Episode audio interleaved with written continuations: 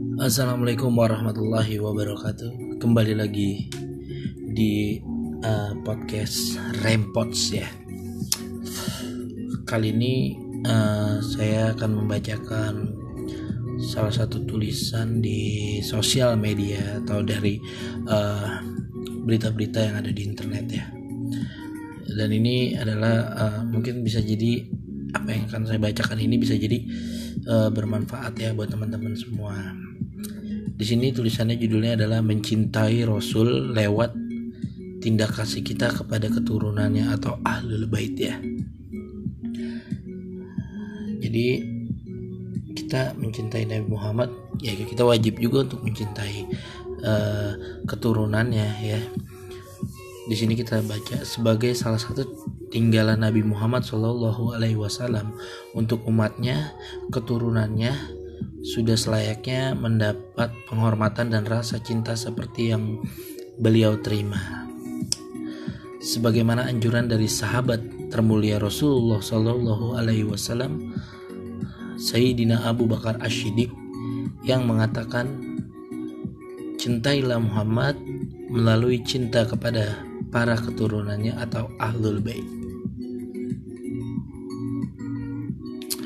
Dalam Islam sendiri Allah Subhanahu wa taala dan rasulnya telah mewajibkan seseorang seorang muslim untuk hormat dan cinta kepada ahlul bait.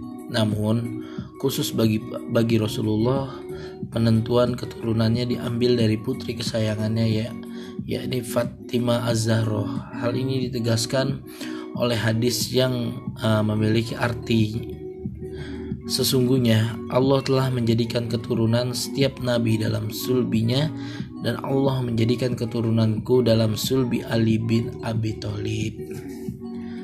Lebih lanjutnya perintah uh, terkait ahlul bait ini kemudian dijelaskan sebagai salah satu dari dua hal yang mesti dipegang teguh oleh umat Rasulullah seperti bunyi hadis berikut. Aku tinggalkan dua perkara yang sangat berharga pada kalian. Yang pertama adalah kitab Allah, yang kedua adalah ahlul baitku. Riwayat Imam Muslim meskipun dalam riwayat Hakim disebutkan yang kedua adalah sunnahku. Namun riwayat Imam Muslim diakui semua ulama lebih kuat dalam periwayatannya. Tak hanya itu, Al-Quran melalui surah Asyura ayat 23 pun mengatur perintah untuk mencintai Ahlul Bait. Dalam ayat tersebut disebutkan, katakanlah wahai Muhammad, aku tidak meminta upah kepada kalian kecuali rasa cinta kepada kerabatku.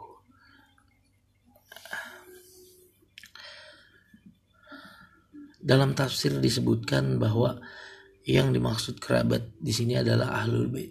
Dengan demikian, Jelas perintah memuliakan dan mencintai Ahlul Bait merupakan perintah langsung dari Allah yang wajib dipatuhi.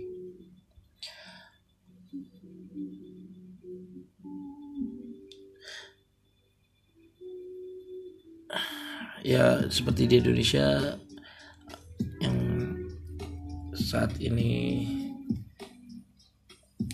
ada ya banyak sekali ya uh, Habibana Muhammad Rizik Syihab, Habib Hanif Alatos, Habib Muhammad Lutfi bin Yahya, Habib uh, Bahar bin Smith, uh, almarhum Sayyidul Walid, Habib Abdurrahman bin Ahmad Asyigab, ya kan? Habib Syekh bin Abdul Qadir Asyigab dan banyak lagi yang lainnya yang tidak bisa saya sebutkan satu-satu bukan berarti mengurangi rasa takjim saya dan tidak mengurangi rasa hormat saya kepada guru-guru kita ya. Namun meski telah kuat dasar perintahnya masih saja terdapat hati yang tidak dapat menerima perintah tersebut. Mereka yang demikian berpandangan bahwa semua manusia sejatinya sama di hadapan Allah. Hanya amal dan takwalah yang membedakannya. Ungkapan tersebut uh, tidaklah keliru karena asal muasalnya juga bersumber dari Al-Quran. Namun sebenarnya tanggapan seperti ini tidak berada di konteks konteks yang tepat. Sebab konteks menghormati ahlul bait adalah konsep sosial. Hubungan manusia dengan manusia bagaimana urusan mereka dengan Allah adalah urusan yang bukan ranahnya untuk kita campuri. Dikarenakan konsep menghormati ahlul bait ini adalah konsep sosial Mari kita analogikakan dengan fenomenal sosial lain. Sebagaimana yang kita tahu dalam bermasyarakat. Seseorang memiliki kedudukan tertentu. Kedudukan yang ia miliki mempengaruhi sikap dan kewajibannya terhadap seseorang di kedudukan yang berbeda. Seperti contoh seorang murid secara sosial wajib menghormati guru dan orang tuanya. Hal ini merupakan fitrah manusia untuk menghormati seseorang dengan kedudukan tertentu tanpa menyangkut pautkan hubungan mereka dengan Tuhannya. Konsep inilah yang terjadi pada kewajiban menghormati ahlul bait sebagaimana seseorang anak yang harus menerima takdirnya sebagai seorang anak dan murid muslim awal bukan ahlul bait juga harus menerima takdirnya sebagai manusia yang bukan dari golongan ahlul bait.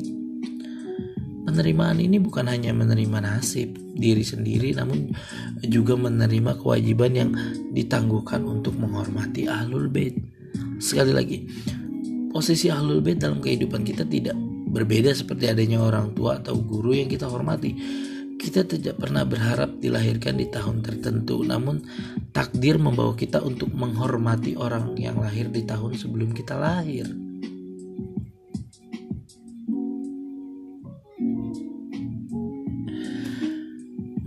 Mesti digarisbawahi pula pemulihan terhadap ahlul bait ini. Jangan lantas dijadikan alasan untuk merendahkan mereka yang ahwal sebab para ahlul bait sendiri tidak dididik untuk gila akan sikap hormat dari para pecintanya atau muhibin. Sebagaimana yang dicontohkan oleh salah satu kakek moyang ahlul bait Sayyidina Ali Zainal Abidin bin Husain bin Ali di mana ia tidak pernah menaruh rasa benci kepada Umar bin Sa'ad membunuh ayahnya di padang Karbala. Pembalasannya setimpal dalam syariat Islam. Kisas pun tidak dilakukannya. Hal inilah yang kemudian turut diajarkan kepada anak cucu Ahlul Bait sehingga menjadi ahlak khasnya dan hingga saat ini sikap hangat para Ahlul Bait kepada muhibinnya pun dapat berupa apa saja mulai dari sambutannya yang uh, hangat sangat menerima kunjungan hingga bantuan sosial bagi masyarakat di sekitarnya. Pada akhirnya hal inilah yang menjadikan masyarakat mudah menerima dakwah dan keberadaan ahlul bait terutama di negeri muslim seperti Indonesia.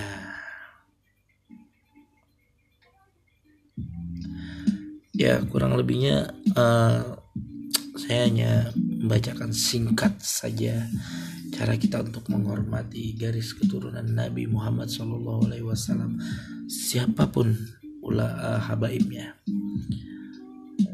Ya kita harus mencintai karena di dalam darah habaib itu ada darah yang mengalir darah yang manusia paling suci manusia yang paling mulia yaitu Sayyidina Muhammad Sallallahu Alaihi Wasallam jadi kita wajib untuk menghormati kalau kita emang mencintai Nabi Muhammad SAW. Kurang lebihnya saya mohon maaf jika ada kekurangan ya karena saya hanya manusia dan saya hanya membacakan apa yang tertulis di uh, internet karena kita sama-sama belajar ya dan saya membuat podcast ini emang ya gunanya untuk sama-sama belajar sembaring saya membaca dan saya share gitu. Saya pamit undur diri. Rempot. Assalamualaikum warahmatullahi wabarakatuh